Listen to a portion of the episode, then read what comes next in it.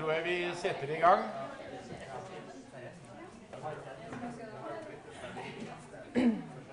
Hallo, hallo. Jeg vet dere har fått eksamensoppgavene, men nå får dere noe som er mye viktigere. Et uh, dypdykk i den rettferdige krigs etikk. Uh, og hun som skal forelese for oss, heter Helene Ingjerd.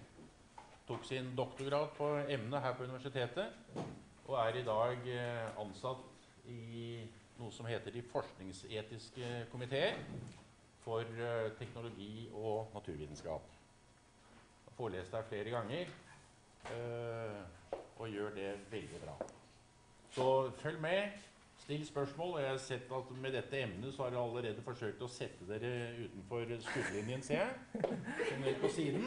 Og det, det, tror jeg var veldig viktig at dere gjorde. Vær så god.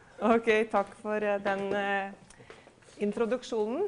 Um, ja, jeg heter også Helene Ingerd. Jeg har uh, tidligere forsket mye på dette emnet. Eh, da jeg tok doktorgraden min på PRIO, Institutt for fredsforskning, skrev jeg om soldaters ansvar i komplekse fredsoperasjoner. Og da, med, da brukte jeg da den rettferdige krig som et sånn teoretisk rammeverk. Eh, så det jeg skal snakke om i dag, eh, det er altså da forholdet mellom religion Eh, og tanker om krigens etikk. Eh, og jeg skal si litt om utviklingen av det som da kalles rettferdig krig-tradisjonen, og forholdet til, til, religionen. Og da vil jeg spesielt ta for meg eh, kristendommen, som er, eh, er, de kristne tenkerne jeg først og fremst har, har fokusert på i mitt arbeid. Eh, men det har vært da å også minne om at uh, disse tankene som vi finner i rettferdig krig-tradisjonen, de finner vi i veldig mange andre religioner. Ja, nærmest alle eh, verdensreligionene så finner vi en del av disse tankene om, eh, om krig kan rettferdiggjøres, grunner til at det kan være rett å gå til krig, og hva man kan gjøre i krig. Ehm, så jeg vil da først si litt om utviklingen og ta for meg noen av de viktigste tenkerne i denne tradisjonen. Eh, og så skal jeg snakke om Det er da tre sett av kriterier som, eh, som danner denne tradisjonen. Og det første er da just ad bellum, som handler om det å gå til krig i det hele tatt. Når, om overhodet mulig, kan det rettferdiggjøres, eh, det skrittet å gå til krig. Uh, og her finner vi da seks sett av kriterier som jeg vil, vil, ta dere gjennom. Og så er det just in bello, som handler om når krigen først er i gang. Hva kan man gjøre i en krig? Hva er det som er akseptabelt å gjøre i en krig? Hva er det som ikke er akseptabelt? Og så er det da den siste kategorien just post bellum, hva som er en rettferdig krig på slutt, eh, når, når da, ja, krigen er slutt. Hvordan kan den ende på rett måte? Og da er det særlig dette som handler om ansvar, som jeg vil snakke litt om. Eh, hvordan eh, fordeling av skyld og ansvar. Um, så jeg vil begynne med å si at når vi snakker her om religion og krigens etikk, så er det koblet Vi finner en tett kobling her.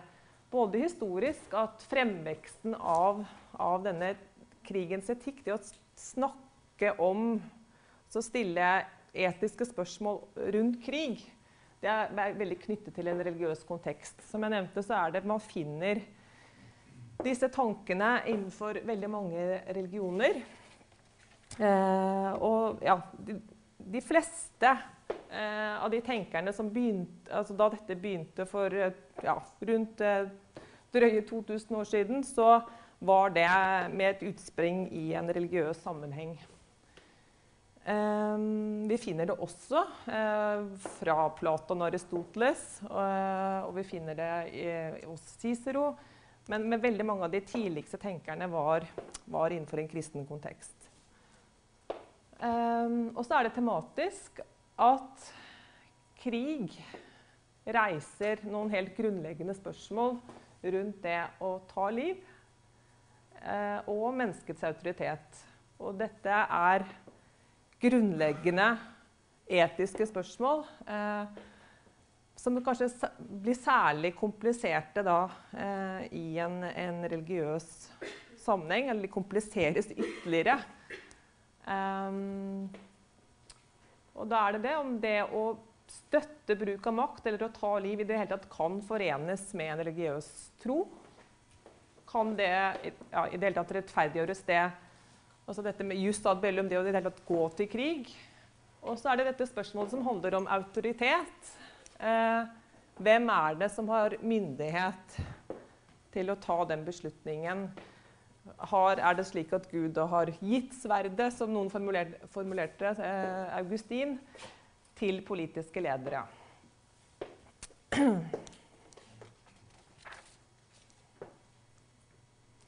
Og det er også verdt å nevne innledningsvis da, at eh, når vi snakker om krigens etikk, så er det tre hovedtradisjoner, hvorav rettferdig krig-tradisjonen er da én sånn stor eh, hovedbolk, eh, som, som, er på mange måter liksom mellom to andre store tradisjoner.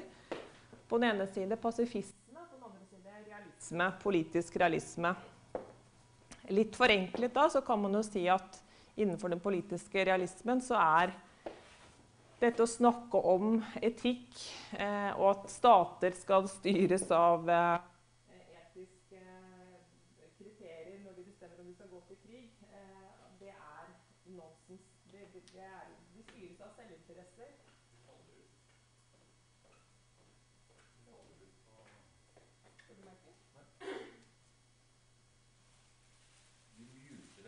Ah. Kanskje jeg skal holde den sånn? Ja. OK.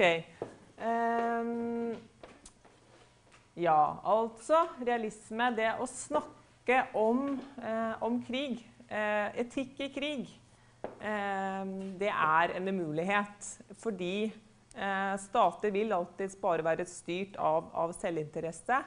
Eh, slik at noen innenfor den tradisjonen mener også at det å snakke om krig, eller om etikk i krig vil være mer sånn type skalkeskjul, som, som tvert imot da kan bidra til å forlenge krigen heller enn å begrense den.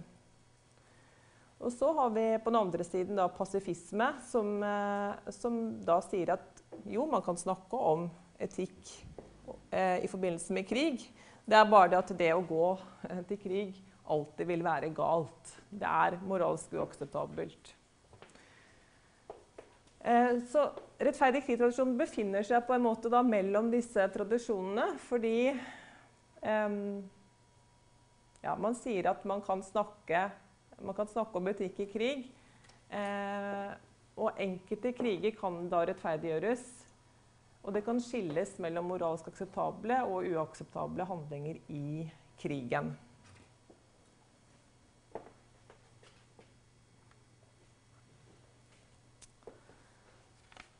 Så Augustin, eh, som da levde eh, i en, eh, en, spesiell tid, eh, da Romerriket eh, holdt på å gå i oppløsning eh, Han kalles ofte den motvillige, rettferdig krigtenker. Og han er på en måte den ambivalensen som man finner både i en del av de bibelske tekstene, tekstene, som han også tar videre og på en måte litt den mellom den realismen på den ene siden, krig som en nødvendighet, men som en tragisk nødvendighet. Eh, og han sliter på en måte veldig med dette. Og hvordan kan det i det rettferdiggjøres når utgangspunktet er at man da ikke skal eh, ta liv? Så Krig er en tragisk nødvendighet. Det å bruke voldsmakt for å bevare freden er ikke noe en klok leder vil gjøre med et lett hjerte, kun av nødvendighet. Og utgangspunktet da er at det er fred som er menneskets normative grunnbetingelse. Men etter menneskets syndefall er fullkommen fred ikke lenger mulig. Så krig er en konsekvens av synden. Eh, men krigen eh, altså det kan eh, det kan rettferdiggjøres dersom det er for å gjenopprette en fred, nei, en orden som er brutt sammen. Fred eh, for Augustin det er vel synonymt egentlig ikke med fravær av vold nødvendigvis, men en orden. Eh, slik at når denne orden på en eller annen måte er brutt sammen, så, så kan krig eh, være en, eh, en rett Ja? Hvem har satt uh, grunnlaget for den ordenen? Er det Gud som har Det er Gud. Ja, det er Gud. Har de ikke noe sånn logisk med seg, eller noe sånn naturalistisk? Har de noe her som ikke- Hva sa du? Nei, jeg datt litt ut der. Ja, Det er Gud som er grunnlaget for Augustin, som har, for den som ja, er normen for mennesket. ja.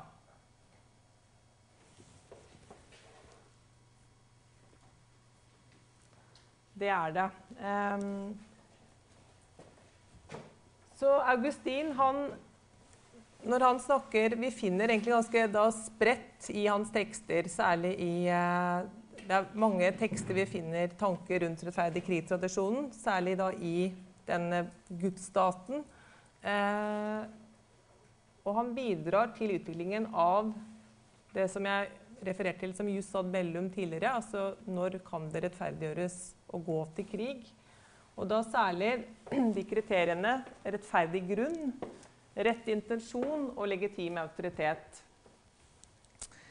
Eh, når han snakker om disse kriteriene, når han skriver om dem, så er det Utgangspunktet er da igjen denne plikten til å ikke skade, som vi også finner i bibelsk tekst.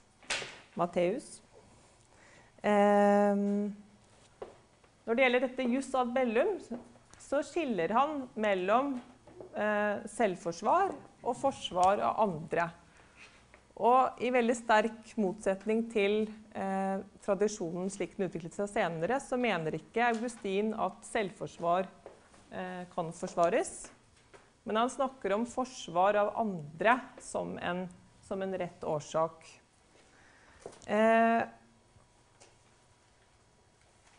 det å forsvare seg selv, det er knyttet til eh, ja, det jordiske.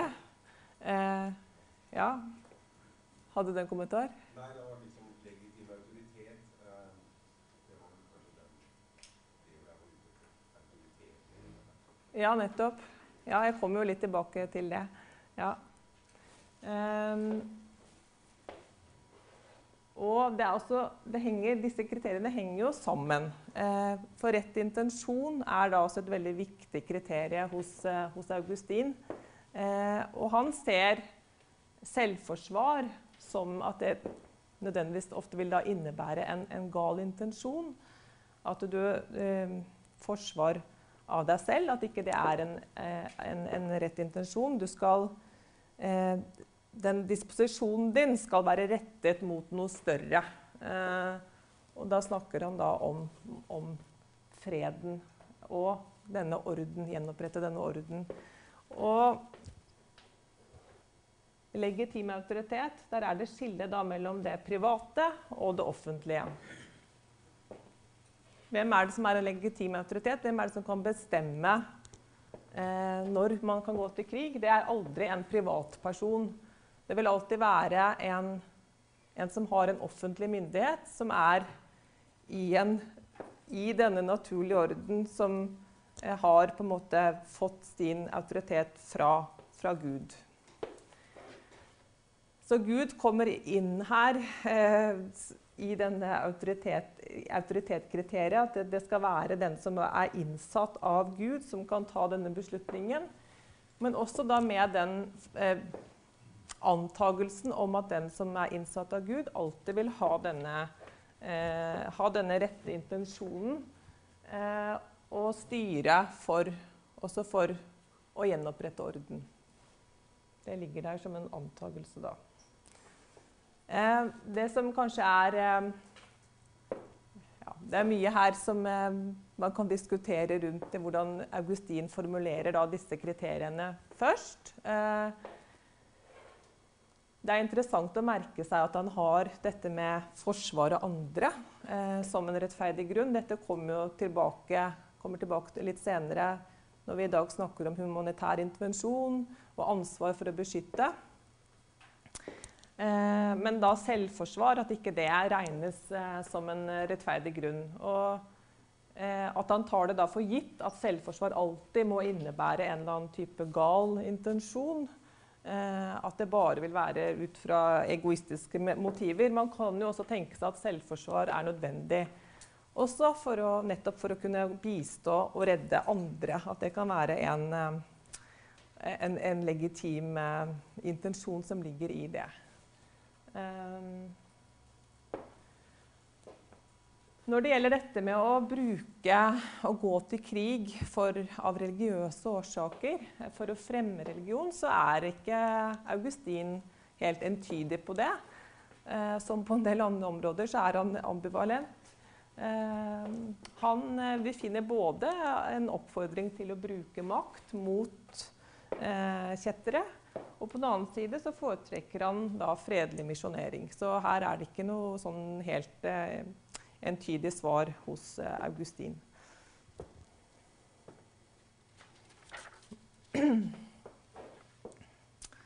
Da skal vi gjøre et ganske stort hopp i historien.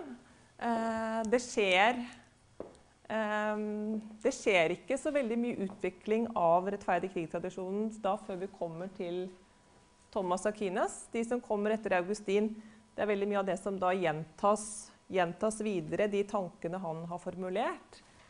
Eh, og så kommer da Thomas Aquinas eh, eh, fra 1224 til 1274 og presenterer da en mer systematisk rettferdig krig-teori, hvor han eh, da også har disse kriteriene om legitim autoritet hos han som det første, første kriteriet som, som må oppfylles. Og vi finner rettferdig grunn, og vi finner rett intensjon. Eh, men da på en mer en systematisk presentasjon eh, hos han. Eh, og her er det mye tekst fra Summa Dialogia. og her finner vi da disse tre eh, kriteriene eh, formulert. Eh, in order for war to be just, three things are necessary. First, the, the, authority of the sovereign by whose command the war is to be waged. For it is not the business of a private individual to declare war, because he can seek for redress of his rights from the tribunal of his superior. Moreover, it is not the business of a private person to summon together the people, which has to be done in wartime and as the care of the common weal is committed to those who are in authority, it is their business to watch over the common weal of the city, kingdom or province subject to them. Så dette er altså legitim autoritet. Og igjen da fordi man, han antar da at um, det er uh, den styrende, uh, the superior, som har uh, ansvaret for å fremme eh, fellesskapets gode. Og så snakker han da om en, en just cause. Namely that those who are attacked should be attacked because they deserve it on account of some fault. Um, dette utdypes da i teksten. Uh, they should deserve it. Han snakker om da uh, selvforsvar uh, som en rettferdig grunn. Det å forsvare seg mot aggresjon. Um, her finner vi også da den begynnende tanken om sånt, eh, prinsippet om dobbel effekt. At en, eh, en handling flere, kan ha flere effekter. Og selv om noe av effekten er å, da, når du i å drepe, drepe denne som angriper deg, så kan det rettferdiggjøres dersom intensjonen din da er, er, å beskytte deg. Det er det som er intensjonen. Så er det da en bieffekt at denne personen som angriper, blir drept. Men at det da forsvares av at intensjonen er å redde deg selv. Og det er en natural inclination. Altså, der finner vi litt av den naturrettstankegangen som, eh, som dere hadde her forrige uke. Eh, at det, er, det da kan forsvares ut fra en sånn tankegang. Ehm, så lenge da intensjonen er Ja, Hvis du er ute fra den teksten, så høres det mer ut som at han rettferdiggjør hevn, egentlig. Ja. ja. They deserve it on account of some fault. Ja. Ja. Men det er nok ikke det det- Dette er et lite utdrag av teksten. Det er nok ikke det som egentlig er tanken. At det er Faulten her er nok det at du angriper, da.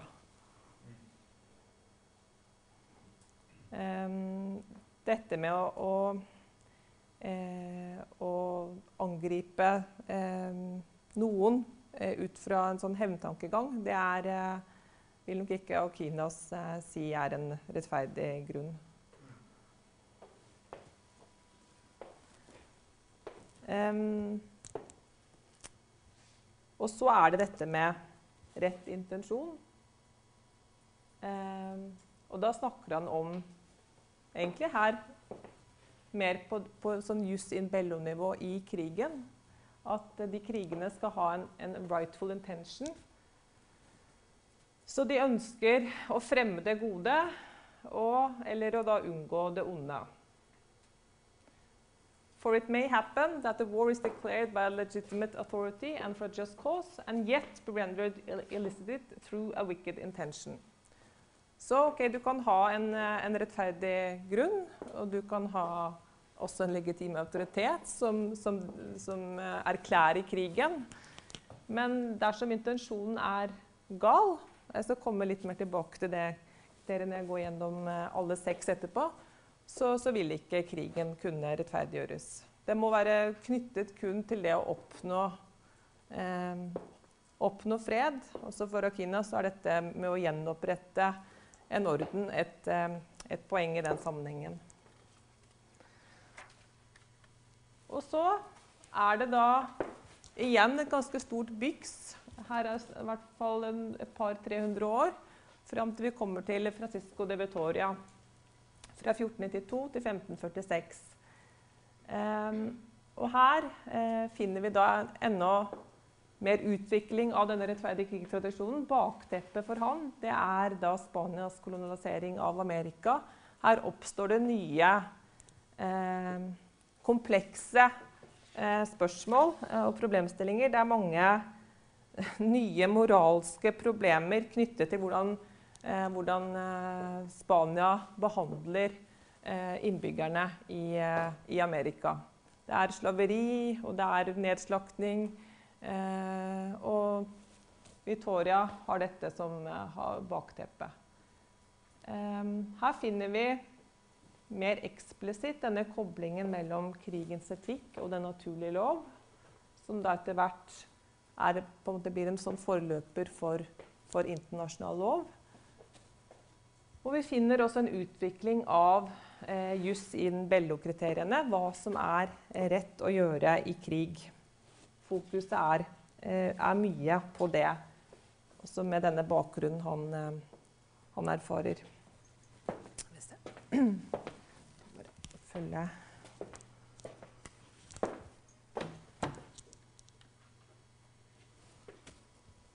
Og da i en av disse eh, tekstene om the law of war, så skriver han da What are the permissible reasons and causes of just war? Og her står det da helt eksplisitt Difference of religion cannot be a cause of just war. Og enlargement of empire cannot be a cause of just war. Og personal glory or convenience of the prince is not a cause of just war. The sole and only just cause for waging war is when harm has been inflicted. Og igjen da så er det snakk om at det er en eh, aggressor, at det er selvforsvar som er eh, just cause. But not every injury gives sufficient grounds for waging war. Since all the effects of war are cruel and horrible, slaughter, fire, devastation it is not lawful to persecute those responsible for trivial offenses by waging war upon them. Therefore, it is not lawful to start war for every reason or injury.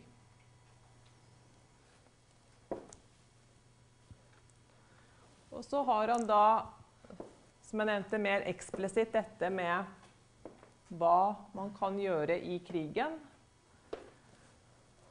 Og det vi da finner helt eksplisitt hos, eh, hos Vittoria, er denne tanken om altså rettferdighet på, på tvers av, eh, av, land. At eh, også denne legitime autoriteten har ikke bare et ansvar for egne innbyggere, men også for, for, eh, for eh, et globalt ansvar.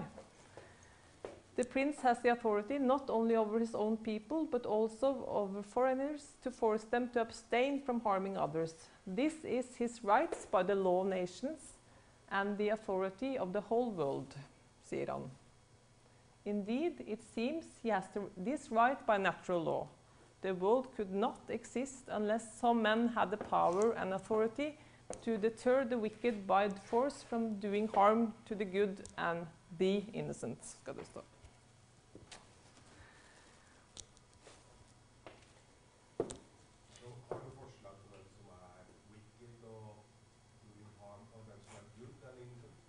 Ja, har du noen forslag?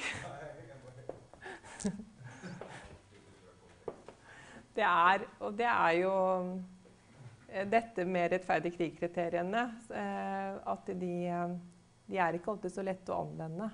Eh, Hva betyr det i praksis? Det er eh, prinsipper som, eh, som forstås forskjellig. Og vi, vi skal komme litt tilbake til noen eksempler etterpå hvordan man kan anvende disse på ja, dagens konflikter. Og det er man ser at det, det kan tolkes ganske ulikt hva som ligger i, i dette.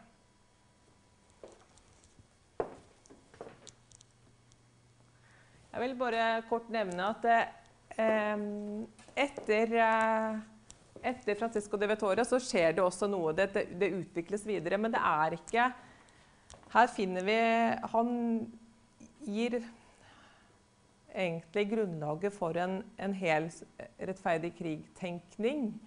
Eh, sånn at disse to dokumentene her, 'The Challenge of Peace', som er fra 1983, eh, og dette andre dokumentet eh, fra disse katolske biskopene, de, er, de, de bygger veldig mye på dette eh, materialet eh, og tar det videre, men det, ganske, det skjer ikke så mye nytt det er ikke så mye nytt som legges til. Det de legger til her eh, veldig sterkt eh, i 1983, er dette med at noen type våpen er strictly forbidden. Bruk av kjernefysiske våpen kan ikke under noen omstendighet rettferdiggjøres. Og denne 'The Harvest of Justice is Sown in Peace' fra 1993, eh, der likestilles eh, rettferdig krig og pasifisme som, som alternativer. Og eh, at pasifisme er eh, Det er en sterk tankegang her at noen kriger kan rettferdiggjøres, men man ser en, kanskje en glidning mot at pasifisme er Det er en glidning mot pasifisme. Det er Det tror jeg man kan si.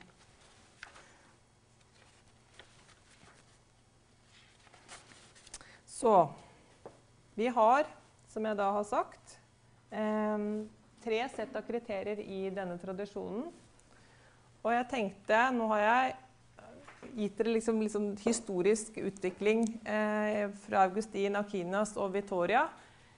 Så skal jeg gå litt mer gjennom eh, disse eh, kriteriene. Og da først hva kan være en rettferdig grunn. Og som jeg da nevnte, for, eh, for Augustin så er er selvforsvar ikke en rettferdig grunn. Det uttrykker kjærlighet til selvet og til det jordiske.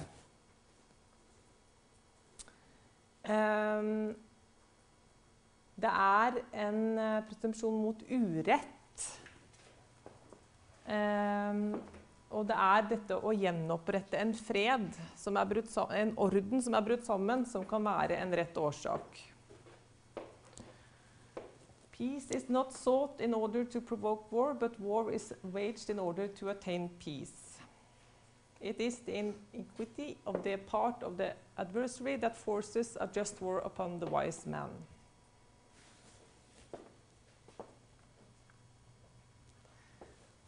Og som jeg nevnte da, så er dette med forsvar av andre Her finner vi da spiren til, til det. Um, og dette utvikles videre. Vi finner dette gjennom hele tradisjonen. Eh, og i dag så har vi altså, I internasjonal lov så er, har det, selvforsvar er jo slått fast som en, som en rett Eh, eh, stater har.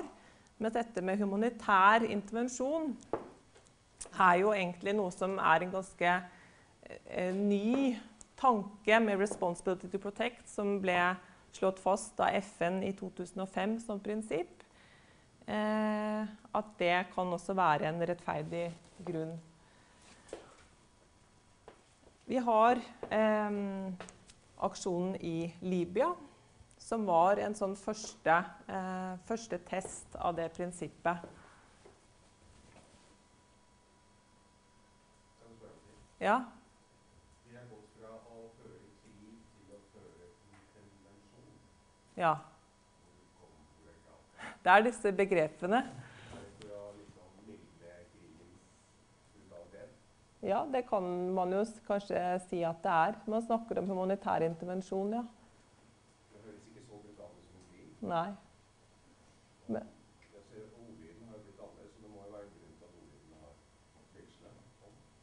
ja, det Det kan man jo tenke at det har. Det, det høres eh, bedre ut. Og det er litt sånn man har andre ord på eh, også den, start, Jeg sa at Libya var den første, eh, første aksjonen der, men du har jo selvfølgelig noen forløpere. Det var Natos eh, luftkrig eh, mot, eh, altså i Jugoslavia i 1999, som jo også i stor grad bygde på disse, denne tankegangen om å Det ble begrunnet sånn at dette var en krig for å forsvare andre. Eh, her manglet man jo et mandat da fra FNs sikkerhetsråd. Eh, det var ikke selvforsvar. Eh, det var altså for å komme andre eh, til hjelp, var en av begrunnelsene. Eh, og da ble det Krig ble jo heller ikke brukt da som et eh, begrep at dette var krig, men det var en eh, Man snakket vel om en eh, invasion. Det høres kanskje ikke så mye bedre ut. Um,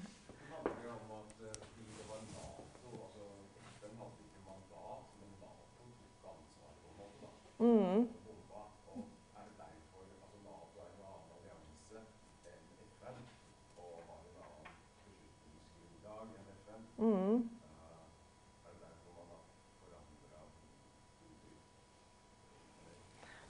Nei, det vet jeg ikke om det var derfor. Ehm,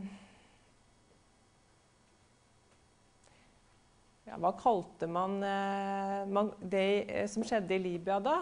Det en, eh, ble det kalt en krig?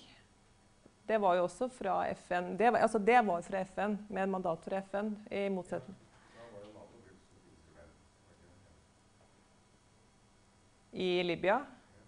Ja, det, det var med mandat fra FN, da. Så sånn sett så skiller det seg. Og det var jo noe av det som ehm, Ja. Det, så dette med legitim autoritet I dagens eh, ehm, dagens eh, verden så er legitim autoritet forstått da enten som eh, altså statsledere eh, eller FN-system, Sikkerhetsrådet, FN.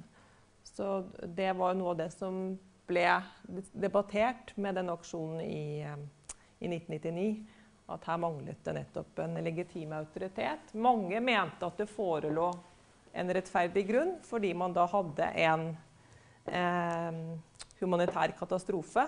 Det var folk, eh, særlig da Kosvold-bandere, som, eh, som ble eh, drevet bort, eh, og som led hardt. Eh, og at det da kunne forsvares.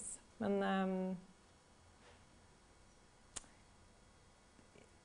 nå, etter vi har hatt denne aksjonen i Libya, så vil jeg nok si at det prinsippet er, kanskje er blitt litt svekket, fordi man har sett at det er veldig vanskelig å gjennomføre i praksis. Egentlig man kan jo kanskje Mange vil være enige om at forsvar av andre kan utgjøre en rettferdig grunn. Eh, veldig mange rettferdige krigtenkere i dag har utviklet denne ideen videre, bl.a. av Michael Waltzer, som er en av de mest fremtredende rettferdige krigtenkerne i dag. Men eh, problemet som jeg vil komme litt tilbake til eh, eh her Skal vi se, kommer jeg til den nå? Vi kan jo kanskje ta den nå. Jeg skal komme litt tilbake til den. Vi har Syria som eksempel. Um, la oss ta det når vi har gått gjennom grunnene, sånn at vi kan gå gjennom alle kriteriene og se om det oppfyller. Men det som jo vil være problemet ofte, vil jo være å oppfylle de andre kriteriene. Fordi selv dette kan jo ligge, være ganske vanskelig å oppfylle, fordi det som kreves, er jo ikke bare at det skal være at noen andre trenger din hjelp. Altså, terskelen legges veldig høy da, for at det skal være en, en humanitær katastrofe. Man vil jo si eh, med Syria eller Libya at det er eh, I hvert fall for Syrias del at det er den, eh, den er enorm, den humanitære katastrofen. Det tror jeg ikke det er noen som vil eh, vil stille spørsmål ved. Men så er det allikevel disse andre kriteriene som skal oppfylles. Jeg går litt videre nå, eh, så vi kommer oss gjennom. Eh, så er det dette spørsmålet om rettferdig grunn, preventiv krig eller forkjøpsangrep. Om det kan foreligge en, eh, en rettferdig grunn når, når den andre parten ennå ikke har begått en urett. Dette er også noe som har blitt diskutert i, i tradisjonen. Eh, Victoria sier at man må vente til et faktisk angrep har funnet sted. Det vil være absurd å straffe noen for en handling de ennå ikke har begått.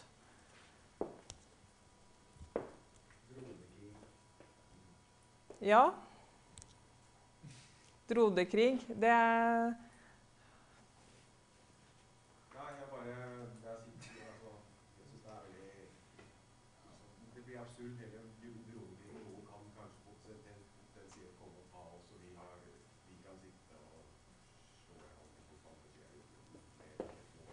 Ja.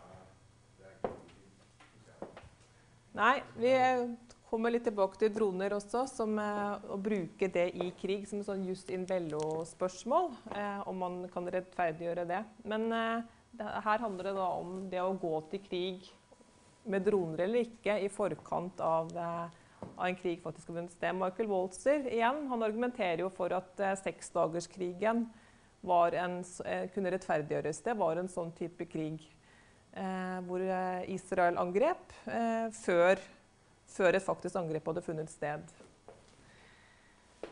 Eh, det ble diskutert også i forbindelse med Libya, for det var jo på mange måter en eh, et forkjøpsangrep. Preventiv krig, man skal skille litt mellom de to. Preventiv krig er jo en som er lengre tid i forveien forkjøp, er, da, er måte, da, da, står de andre klare til å angripe, og så bare er du, er du, kommer du rett i forkjøpet, som det ligger i ordet. Preventiv krig er mer sånn ok, vi må tilfelle noe kan skje, så går vi til angrep. Så det er, det er en forskjell mellom de.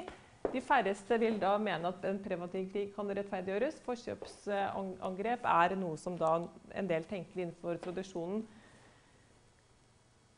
mener kan rettferdiggjøres. Og Libya ble eh, diskutert på det grunnlaget. For dette var på mange måter en sånn eh, humanitær forkjøpskrig. Fordi det var varslet at Gaddafi eh, ville gå til angrep på sivile. Han hadde eh, uttalt eh, i flere offentlige taler at folk måtte gjemme seg. Vi skal, eller vi skal finne dere vi kommer og tar dere. Det var en varslet katastrofe, mente mange. Så det var jo, selv om da allerede du kan si en del av drapene allerede hadde funnet sted, så var det varslet en større humanitær katastrofe. Så dette var egentlig sånn sett en, eh, et humanitært forkjøpsangrep, kan man kanskje kalle det. Hvor legger vi den kalde krigen i det her? Er det sånn fors... forkjøps... Det ikke angrep heller. Nei, det er jo ikke noen krig. Det er bare Nei, ja, styrkeoppbygging, Ja, ja. Du forbereder deg til en eh, krig, ja. Mm. Ja, ja.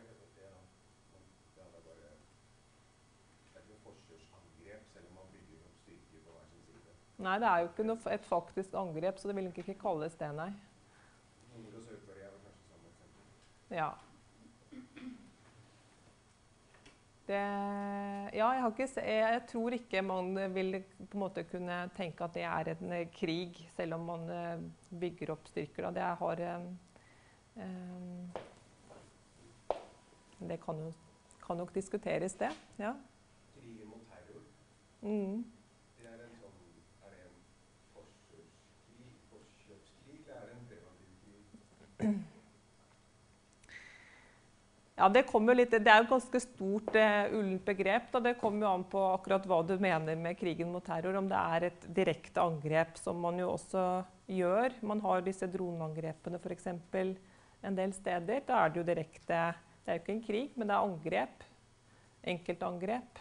Og så har du jo mer en Det brukes også videre om en politikk. Ikke bare ak faktisk eh, krigføring. Ja.